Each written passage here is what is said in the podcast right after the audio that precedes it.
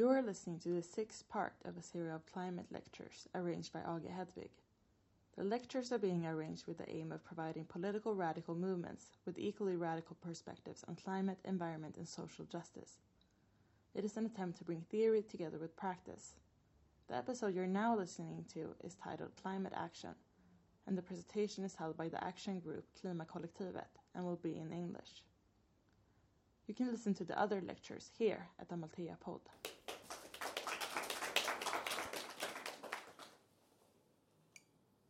Hi, I'm Tanny. Yeah, my name is Annelise, and uh, we're from the Climate Collective. Uh, and what maybe we should just say a little bit about what we would like to share with you today. Like we were invited to kind of share some of our experience with doing activism.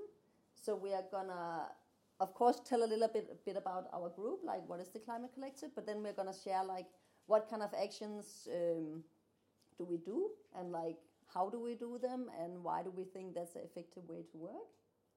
So that's basically what we're gonna try to talk about. We might also talk a little bit about like some background analysis on why we think that the climate struggle is an anti-capitalist struggle and why we think market-based solutions don't work but we will try to mainly focus on like the action part and use it as an inspiration because you already heard a lot about climate in these other mondays so you probably know just as much as we do. Yeah? Yeah, and then we're going to talk a little bit about where we see the european climate movement today and where we would like to see it heading in the future. Yeah and if you have like little questions of stuff you don't understand you can just ask questions and else we'll take a little bit more like talking and discussion together in the end i guess. Mm-hmm. Yeah so we made a powerpoint but some of it is also just photos so you don't have to sit and look at us all the time. But i would like to start out just telling a little bit the history of the climate collective and who we are. So right now we're a group of like we are like a small affinity based group action group in copenhagen that do everything from actions to info nights and we make like information materials and a mobilization for Ende Gelände, for example. yeah and kind of whatever we just feel like. We've had a focus the last two years on coal and now we are shifting our focus onto agriculture. But yeah but the history of it, it might be interesting like the climate collective not as the group it is today but as sort of some group on the radical left in copenhagen started doing the cop 50 or uh, before the cop 15 in copenhagen in 2009 and it actually started out as a logistic group like doing like the sleeping arrangement the people's kitchen legal support and all this kind of stuff for international activists coming to copenhagen and then after the COP, it turned out into this like anti-repression group for a few years. Um, and then after that, the group kind of died out a little bit, but some of us were still like working together. We were doing like a, a climate camp in Sweden with some Swedish activists. And after that, we had like four years of doing campaigning against fracking in Denmark. Before the climate collective in the form it had today, kind of may like um, was established after the first Endegelände. So the group have existed in some form or another for around nine, ten years now, but it's in the form it had now only for a few years. And I guess what, like many of us come with a background in different other struggles on the like radical, the autonomous left in Copenhagen, and what we share is more of a like political analysis of the climate, um, of climate being like a structural problem and being an anti-capitalist struggle. Um, Yeah. yeah. so yeah, that's it. Um, yeah, and I'm just gonna tell a little bit about why we think that, and I have a feeling that most of you already know, so I'm gonna do it really shortly. But it's just because it's probably nice for you to know where we're talking from when we talk about actions. So basically, in in our group, we see uh, like the climate chaos being like just one more um, consequence of capitalism, and we don't see any solutions on the climate crisis uh, within the capitalist system. And that doesn't mean that we don't just like that we don't like the solutions being put forward. We don't believe in them. So, I mean, I often when I talk with people about climate change, they're often like, okay, maybe we don't like solutions like geoengineering or um, or some sort of like offset mechanism, but maybe that's the only thing we have. And when I look, at the history of the solutions that's been put forward by the capitalist system, none of them have worked so far. And that's what I'm like, that's where we are coming from. That the quota system, it haven't worked, it's just made the problems worse. All the time we had these COP processes going, the problem has just been growing and growing and growing. All the uh, different stuff we do to like reforestation issues and all this, it haven't worked. None of it have worked so far. Um, and that's why we're in all our communication, we try to say we need structural changes. We only work with groups who also have that analysis. And that also means that most climate groups in Denmark, we don't work with them. Like we don't wo- work with NGOs who don't have a political analysis that are close to ours. I mean, we can talk to them, of course, we can do demos together, but we don't share our communication. Mm-hmm. And we see ourselves more in affinity with groups working like, like no border groups, or anti-racist groups, queer feminist groups, who work to change the system around. Um, we also try to have a very sort of international perspective that we see ourselves more affiliated with groups in other countries who work with us like from the same perspective than groups in Denmark. So yeah, and that's also probably going to show a little bit in some of the examples we're going to talk about. I hope it made sense. It was really short, but um, yeah, and this is from um, back leading up to Paris. There was as there always is, every year we have these big climate march and we march for the climate and we were invited to participate and sometimes it feel a bit weird being like, no, we're not going to participate in that. But on the other hand, it feel weird going with a lot of NGOs who have banners saying politicians come and act and we ask you to do it better when you don't be, believe in the political system. So we decided to come along and do some banner, banner drops saying sort of our messaging in it. And that was just a picture from that. Mm. But on Yes. to actions. Yes, on to actions. Um, yeah, I'm gonna tell a little bit about like um, different forms of actions uh, as like an inspiration of how to get like involved in the in the in the in the struggle for like climate. Um, and um, yeah, basically we're gonna talk about like uh, three different forms of actions that we um, that we have like experience with. Uh, mass actions and uh, small decentralized actions and also um, campaigns with like local involvement. Um, and um, what's when you say like what's the um, the, the, Umbrella? com- the umbrella like the common thing for all of these kinds of actions is that they are uh, civil disobedience actions and I don't know like some yeah many of you already participated in, in the calendar so I guess you already know what like civil disobedience actions um, are but it's it's like um, yeah it is when you when you like take matters into own hand because you think that like the law the like the like the the, the system the structures they are not working um, the way that like your pol- like political analysis or like for for the climate. So you take matters into own hand and like kind of like breaking the law but in order to to uh, create change. Um, yeah and um, so i'm just gonna take them one by one But maybe it's also worth to say when we talked about this presentation, we also talked about other examples like doing like uh, video campaigns and stuff where you don't break the law. But then we thought often when you talk to people who haven't done anything, the first thing they suggest is always, "Hey, let's dress up and do some flyering."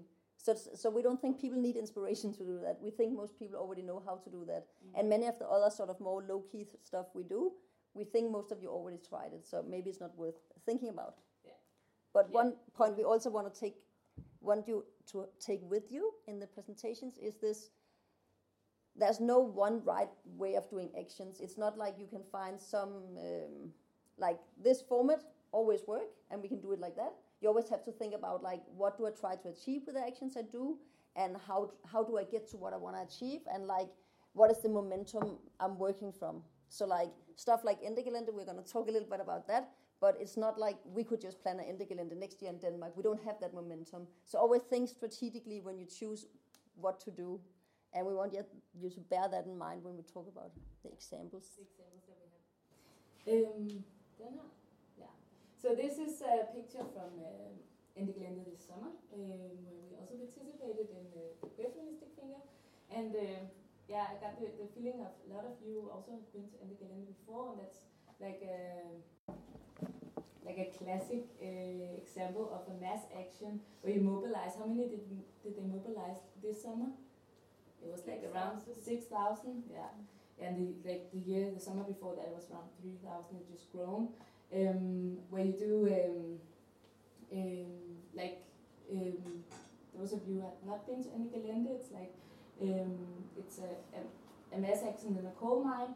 So um, so there's uh, this structure of uh, different fingers, like different, like you see, this is a finger, so it's like an action group, a big, massive action group that goes out and, and uh, goes into the coal mine or goes to uh, to the rail tracks to block them in order to like pre prevent uh, the mining uh, continue. Um, and that um, that blockade is like been for like a few days, um, like most of the times like over a weekend where they like mobilized a, a big camp of, of so many people taking part in this mass action. Um, so so this is uh, yeah the Queer Feministic Finger that some of us participated in uh, last summer. Do you have more pictures? I think there's one more picture from Gelände. Yeah, and this is uh, down in the in the coal mine. See one of these big diggers that um, like yeah fingers the, different fingers you see like last year when I participated, I was not here, I was not participating this summer, but last year when I participated, I think there was like three fingers, and they all went to like different locations. Some went down to the mine and blockaded some of these big diggers, and others went to um, the, the rail tracks and blockaded them to prevent uh, the trains who transport the, the, the coal uh, to, uh, to the power plant uh, to, to blockade that. And uh, yeah. Um, maybe and yeah and one thing i think that's really something that's really amazed me when i came to this Ende Gelände is how effective that is in including new people and radicalizing new people. Not necessarily radicalizing them in the methods they use but in their political analysis and also how how uh, what a good method it is to make new people confident in actually doing actions. Like you see so many people participating in actions for the first time coming to Ende doing an action training, going to action plenary, getting an affinity group, and actually doing something that I would consider a very radical way to act within a few days and feeling confident in doing that. And I think as a method for broadening the movement and getting more people um, equipped to act on what they believe in, I think that's a really good example of how well that can be done. And I think it's really making an impact on the climate movement, not just in Germany, but also in other countries. Like at least in Denmark, I think we can see how many of the people who's been going to Endegelände now want to do more stuff at home, and it's been really hard the last couple of years to mobilize people, put, like people on the radical left, to be engaged in the climate struggle. But I think that is changing now because we see these examples of big mass mobilizations that actually work and have an impact, and also have this kind of like strong radical uh, communication coming from them. Mm-hmm. Like it's not weak in its politics. Yeah, and also because it's just it's just easy for for the one person wants to like get engaged in uh, in the, the climate struggle, um, just to like like in Denmark we like the buses arranged and you can just go like in your big group and you always know someone and then when you come to the camp at uh, in the Gelände there's like organized if you don't have an affinity group they organize in order to like meet other people to create affinity groups with. So it, it feels like a really like also because of this mass feeling of it. It feels more safe. Also, that they have like these um, legal teams um, that you also feel like support you um, uh, if, if something will happen uh, during the action. But yeah. yeah. but this also leads a little bit back to this momentum thing. Yeah. Because I think I don't know why the momentum happened in Germany, but it did happen, mm-hmm. and I know that it can take. It can it can be very difficult to create that momentum, and a good example is this climate camp we did in Sweden back in 2010, I think. I don't know if any of you have even heard about this climate camp.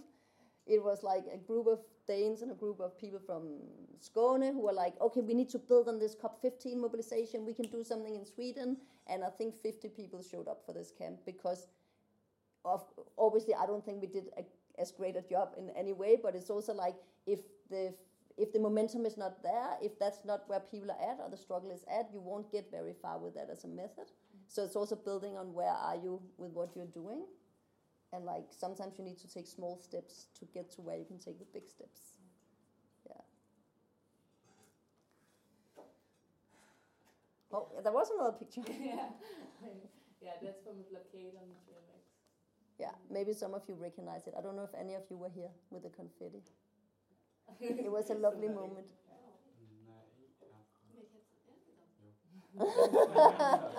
oh. Yeah. Okay, so now we go on to the more um, smaller decentralized uh, actions, which is what um, I think that we, as the climate collective, we are like good at, um, or we have some uh, some experience in doing.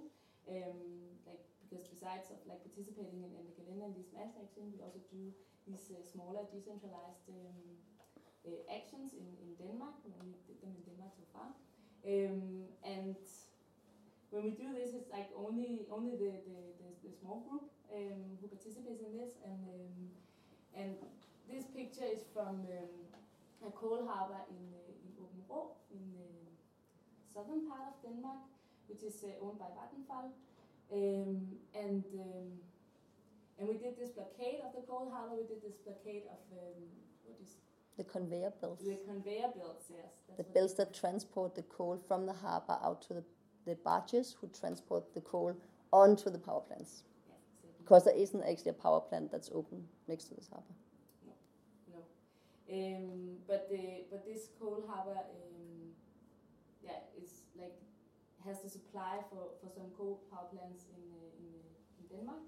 Um, so by blockading this, like we did it in uh, in like what do you say, like in the uh, the annual uh, what do you call it um, of Vattenfall had like we like it's more like a, a symbolic because we like I think the last time we blockaded for like three days partly yeah three days and uh, it was like in the combination of the annual um, The, and yeah, the Vattenfall annual Annual meeting meeting, yeah. where they tell how well they're doing. yeah I don't know. Yeah, So that was like kind of symbolic because like for blockading this this coal harbor is like they have supplies in the power plant so they're gonna like it's not that we're gonna like shut down a power plant because we closed this coal harbor so it's more like a, a symbolic action and it, uh, it also went um, like pretty pretty peaceful they let us stay for like as many days as we wanted actually This harbor, it's like maybe they have 20 people in total working on the harbor.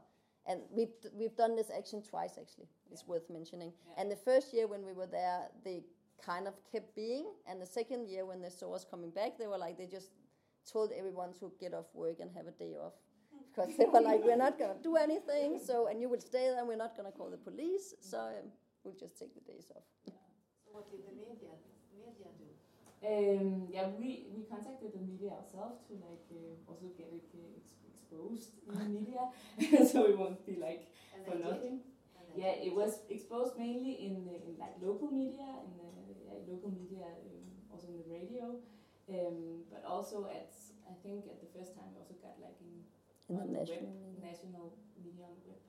Um, so it, it was yeah we got some exposure, but also because we like structured well with like a press group working outside because we're a group inside working um, like working with the blockade, and then there's a group outside uh, doing like also sort of, like logistics and press media stuff. So so it's not like for yeah because it wouldn't make sense to like do a blockade without giving some some attention to it. But maybe it's also worth saying that the first year when we did it, it was at this day of this annual meeting of Vattenfall, but it was also leading up to Ende Gelände, not this year, but the year before, where Ende Gelände was targeting one of Vattenfall's mines that they were going to try to sell. So even though this was like a small thing that maybe didn't create a lot of like attention nationally in Denmark, it was also part of a for us like a mobilization and a support for people doing Ende Gelände and a way of showing that this is an international struggle. Mm-hmm. So we saw it as being part of that whole storytelling around Vattenfall and a way of saying it's not just here, you still have dirty business, you also have that other places you're still making profit on like having the biggest coal harbor in the whole of Denmark is Vattenfall owned. And the year after, it was actually like there was an international call out for like a action week against Vattenfall, and we did we decided to do the action the same action again as a sort of an answer to this call out to say nothing have actually changed in Denmark. We still have this coal harbor. Yeah, so it's just to say like we both had the focus of getting in like uh, in like Danish media, but we also had had it as a way of showing like the rest of the movement, like this is what's happening here, and we are trying to support you by also like annoying them in Denmark. So it's not just in Germany. We're trying to like call out Vattenfall. So they feel like they get attacked from more places. Maybe we should show the, show the video now. Yeah. Is it on the? It's Oh, this is also Ah, a sorry. picture from. Uh, Skal jeg putte den på igen, det her yeah, billede? I don't know. Yeah, where we you can see that we have the blockade of the conveyor belts, um, which is also like a picture that we send out to the press so they can see uh, what we're doing. And this is a really classic style we like to use for blockades. It's just like these, um, what are they called? Like lock lock-ons. Yeah. So it's like pretty much just a big, fat metal tube that you can lock yourself into, and it's really hard to move them. And I think that's also a way. It's a very effective way of being few people that are impossible to move, because the police don't have any tools to actually remove you in Denmark, mm. as far as we know. Mm. So even if you're very few people, they can't really do anything when you're locked onto the conveyor bel- belts with these lock-ons. Mm. So for us, that's been a really effective way of doing something very few people. But now, so now we want to show a video that was also put on the internet today. And this is a video we made when we were in the harbor and being a little bored because we were staying in the harbor for three days. We thought, why not make a tutorial because it's so easy, so everyone should do it.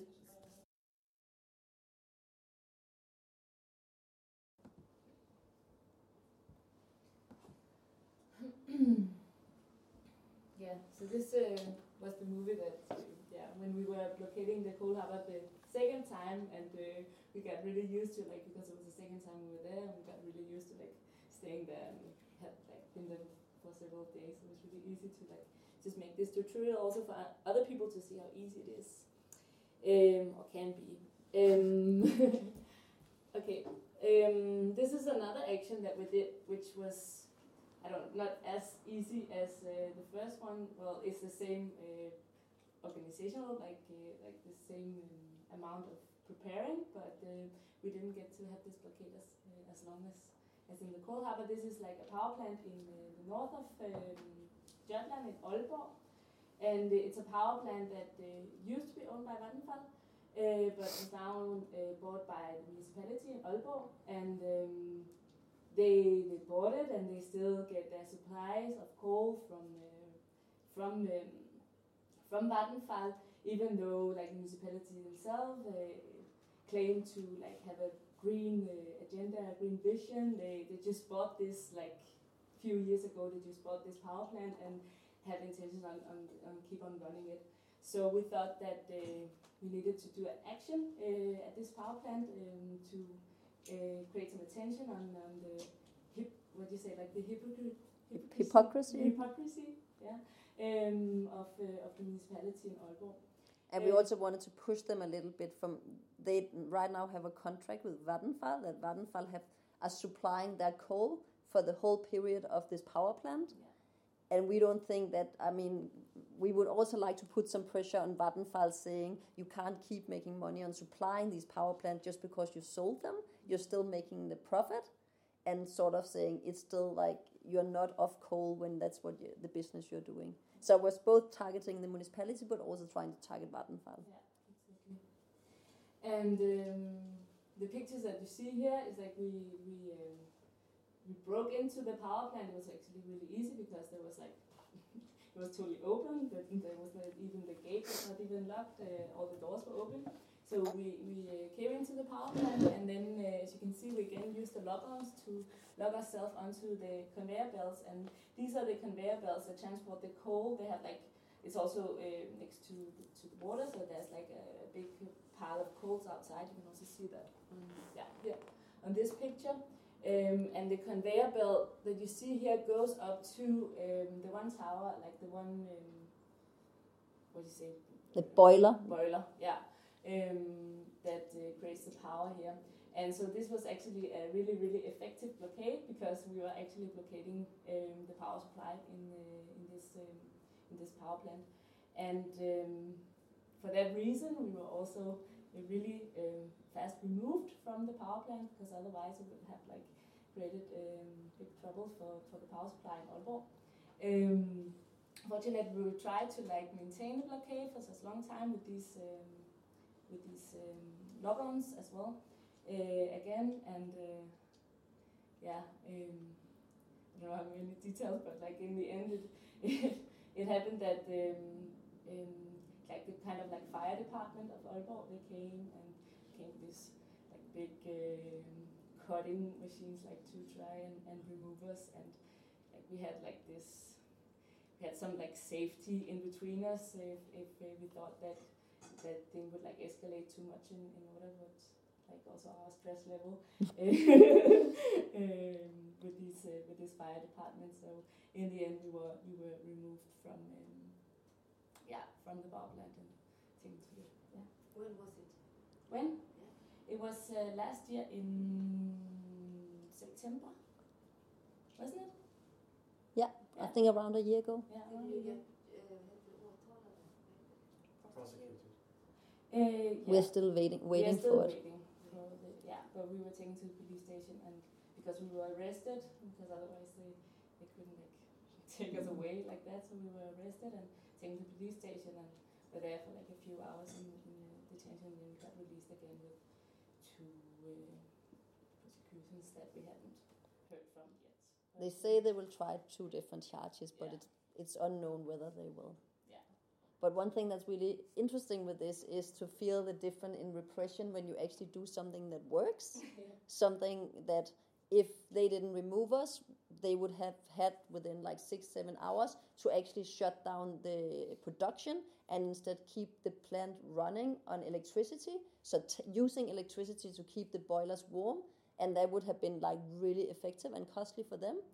And before the action, we had a long talk about like, is this really the weak spot? And we were like, no, surely they must have some strategy. If, if someone do that, like it's it's way too easy, you know. Mm-hmm. But they didn't, and that was really interesting to us, for us to see. And it's also really good knowledge because now we know how to prepare for this in a different situations. That this is actually the weak spot. It's really easy to blockade these conveyor belts, and in reality they can't do anything they can't kill you just to to save a power plant so so of course it's you will face a lot of like uncomfortable conversations and pressure from the police but they can't do a lot if you're locked onto something and they can't remove you and i think for us that was a really good lesson to learn because that was one of the things we wanted to figure out Mm-hmm. so now we know Yeah, exactly. Mm, yeah, and from outside. Again, we had a press group on the outside helping us also with logistics and also when we got arrested and all these things. Yeah. Yeah. And Yeah, and also it's worth why we're talking a lot about these examples is because I think we were eight, ten people doing both of them. Of course, we planned quite a bit beforehand. We went and scouted the areas, made a plan for how to get there. We prepared the materials. But in reality, if you're eight people, you can do an action like that, and it's not it's not that rocket science. And many of the targets that we see it's not like high risk places so the doors are not even locked you can easily like jump the fences it's not like they have a lot of security so it's not actually that easy and i saw some of you did this action here at one of these plants and that's probably the same experience you made there like you can actually just do it if you if you feel like it mm, and it's not that scary. yeah, but the last example I want to talk about is a bit older. Is this campaign against fracking in Denmark, which is very very different from these two examples, in the form that uh, it started out being that uh, the Danish government gave a license to a French company called Total that they could go and uh, test drill if there was enough uh, natural gas in the uh, in the underground in Denmark, so, so you could actually put up like a like a, a shale gas production site on on the ground, not in the water. Um, and in the not so active climate collective existing at that time, we were like, okay, we think we need to target this somehow, but how do you do that? And we were like, this is not like it's in the middle of nowhere in Jylland, and this is not like a typical sort of radical left uh, campaign. How do we do it then? And we decided that we wanted to try to make more like a local based long term campaign, starting out really soft and really talking like about the local issues and environmental issues and trying to work with the local people. So we made this campaign called Skifergas Night Tak, where we started out just having a web page, making material, and then we started contacting all the local people from the area where they were going to do the test drilling who was like liking our Facebook page. And every time people were doing that, we would write them being like, hey, can we come and talk to you? Like, what do you think? Blah, blah, blah. And then we actually got a local person to, local person, this, uh, uh, yeah, you know what I mean. Uh, we got a person who was living in the area to host like a, a meeting in her home. And 40 people came who were just like, we want to stop this, you know? This is bad. And from this meeting, um, there was three different local groups created in the different little villages and towns around in the area. And these local groups were doing everything from making film nights and, and like handing out posters and talking to the local politicians. And this campaign ended up running for three, four years, where the local resistance was just growing and growing and being more and more radicalized in the way that they wanted to take more matter into their own hand. So in the start, we would go to like when the munici- municipality was uh, debating it, we would go there and sort of make our opinion heard, and then we would have like a little demo. But then after a while, um, oh, I thought I had another picture. um, when they actually figured out where they wanted the actual test drilling site to be, some of the neighbors said we can make like a protest camp on our field, and a protest camp was established where every day the protest camp would go to the to where this test drilling was going to take place and sing songs against fracking. And this was a place where, like locals driving by, could always come in for a coffee, and this was where you could meet and actually get involved in the campaign, which worked really well.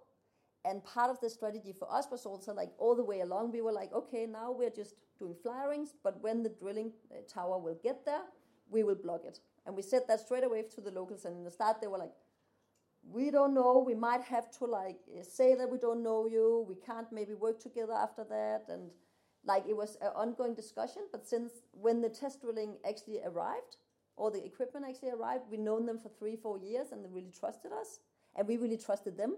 So in the end, they were like, okay, we can do these blockades together. And it ended up being that we we came with a bus from Copenhagen and did three days of blockades where every day, every time new equipment would arrive to the drilling site, we would block it. And the first day we agreed that if the police came and asked us to leave, we would leave. And we did it. And every, like everyone's thought, maybe tomorrow we don't have to do that. And the second day we agreed that we didn't have to leave before the police was like taking us away. And then the third day, even the locals decided that they were going to be carried away by the police. And actually, after the bus from Copenhagen went home, they had four more days of blockading. Only the, like the people from the area who in the start was really skeptical towards the idea of using civil disobedience. So I think it's just a very, very strong example of that it's not necessarily the methods you use that have to be radical, and it's not necessarily the people you work with who have to be like having the same good politics as you. It's very much about seeing like what campaign could work in this context and what would be the most effective way to do it. And I think what we achieved with this campaign was really that so many local people afterwards have started doing all kind of other environmental politics in the area, and so many people got involved in this campaign. And actually, in the end, Total gave up the whole test drilling site and went home. And now we don't have fracking in Denmark. So it's not to say that it's only because of this campaign. There is probably lots of other reasons, but at least the resistance in Denmark is much much stronger. And I think that was partly because of this like anti-fracking campaign. So yeah, so it's just to come with a different examples of not always having radical politics. Yeah. Yeah, and uh, yeah, now we uh, went through like some different forms of action, and now we, we would like to like like end Wrap up it up. with uh, like uh, with uh, um, talking a little bit how, about how we see like the European climate movement uh, today and in the future. Um, and uh, it's also listed but uh, yeah, uh, to to um, to explain is like the first point is just like from summit protest and local uh, struggle is like um, huh? I could try to explain why we put the first point on. Yeah. There's a longer history, and we are too young to tell that history. So our history go back to the COP15 in Copenhagen, and what we we saw there was that much of the climate justice movement was focused on summit protesting, like going to summits and making protest protest about it. And then what we saw in Copenhagen was this really big uh, activist depression. Like people didn't feel like the activism on the street at these summits were actually having any effect. We saw a lot of police repression, and we saw summits that people kept like even though we kept telling ourselves we don't believe in these like COP processes, people still put hope into them because they were there. And I think after Copenhagen, this whole idea of doing protests at summits died out, not just in Denmark or and Sweden, but in the whole of Europe at least. Um, and many of the people who were involved back then in the mobilizations and the actions went home to do local struggles, like our example being the anti-fracking campaign. You also saw like other local struggles against fracking, against uh, natural gas, against like coal happening in many different places in Europe, but there was very little like communication between the different countries and the different struggles. Um, yeah, and then should I keep going? Okay, and then uh, so I mean, so then again with especially with Ende many of these local struggles are now starting to come together again, and I think we can see that more and more people are connecting internationally and starting to share struggles and also trying to starting to support each other's struggles.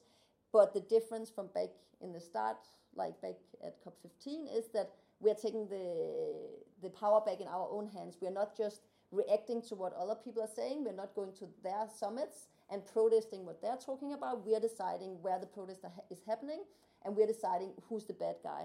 And I think that's a very big shift in the movement that now we're saying this mine is the problem. We don't want to have any more of this talking. We just shut down the stuff we don't believe in. So I think we really see a movement that is growing and taking matter into its own hand. And that's really refreshing. And I think that's also giving a lot of activists a new hope that we can actually change something and we can achieve something. Um, yeah. But yeah, and that kind of lead him over to where we would like to be heading. Like, we don't think that we won the struggle around fossil fuels, but we do think that the movement won the discourse. We don't think anyone still believe that fossil fuels are good. Of course, some politicians are gonna in the U.S. are gonna say they don't believe in climate change, but at least on a European level, I think there's a big consensus that fossil fuels should be phased out it will not happen as quick as we want it to happen, and it will probably be in a really bad way, and they're probably going to use some other bad, bad technology and all this. But the, the whole discourse around whether fossil fuels are good or bad have really changed, and I think that's because of the work done by the different climate justice movements and all the climate movements.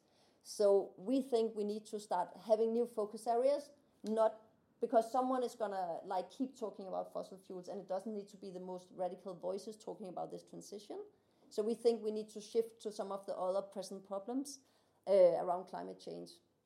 Um, and we think we need to start focusing on industrial agriculture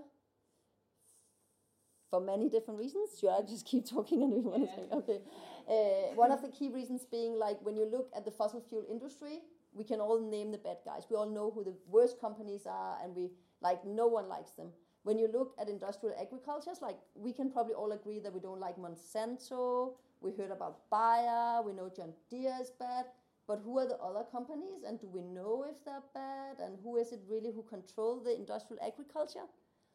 And when you look at who it is, it's very, very few companies who have extreme power and who also have extreme influence on the COP processes and who's actually sitting and making the text about the climate smart solutions for, for agriculture like there is no one saying like you are the one creating the problem. You should not be looking at the solutions you know. You're not the ones who propose solutions. So the solutions to climate change from an agricultural point of view what we're seeing now is solution that is only forcing countries to use more fertilizer using more pesticides more efficient agriculture more monocultures. So what we're seeing is a very strong and uh, lobby like lobby groups and like very strong companies pushing forward their agenda and lo- using uh, like climate change as a way to legitimize their methods. And we think that's something we really need to start talking about now because where with fossil fuels, everyone know the problem. When we look at climate, there's so many groups working with solutions like local-based food production, um, like all kind of sustainable methods. We have like Via Campesina who talk about like giving the power back to the local farmers. But no one is really working hard to name the bad guys, even though that's what we need to do. We need to undermine the power of these bad guys if we want to get to the solutions, because they won't let us do it. I mean, the solutions we're seeing now in the COP processes is solution that will force most countries in Africa to use fertilizers even if they don't want it and take farmers off their land because they don't use the right intensive mechanism and their uh, production is not, is too extensive and too broad and too little focused on like export markets. So we really think that we need to shift in that way and uh, that's why together with other people we start we want to call for mass action in 2019 and we also want to kind of start trying to put that on the agenda wherever we go like here. Start talking with other guys about like how do we start naming this problem as the new bad thing? So in 10 years time when we think about industrial uh, agriculture we will think of them as how we think about shell and exxon and all these bad guys um, And we also have this flyer which has like much of the information that Tanya just. Like if you wanna like yes read about it. So how, how, uh, when does this start? It starts 2019 or it's now? this is I will will we are just part of this uh, that we want to make it a campaign. We just want to make it a focus point. Our strategy in the climate collective is to just talk, start talking about it, start educating ourselves, start to get other people to educate our, themselves, because many people who work with climate change have worked on fossil fuels. Personally, I worked on fossil fuels for like 10, 15 years. I know so much about renewable energy. I know very little about agriculture, and unfortunately, that's how most climate activists are. So we need to start educating ourselves and educating others, and then we need to start doing like decentralized actions to get to build this momentum. So in 2019, we hopefully can have that mass action. Leading back to what I said about like we cannot do Ende Gelände in Denmark this year because there is no momentum. There's for sure no momentum to do any agricultural mass actions anywhere in Europe right now. But we need to build that momentum, and we strongly believe that that's the next step we need to take. Maybe you agree, maybe you don't. you started this idea or is it from? Uh, I, I don't know where it started from, but we kind of joined in on the idea and uh, decided to produce this flyer. To thank you. But we know other groups are also talking uh, along these lines and like, yeah, So we we're just trying to uh, co-create this momentum. yeah, Um, also push the agenda forward. Yeah, exactly. By, for example, explaining it now and having this flyer and also planning maybe some actions and stuff. Yeah, we'll see. And we decided we wanted to end it there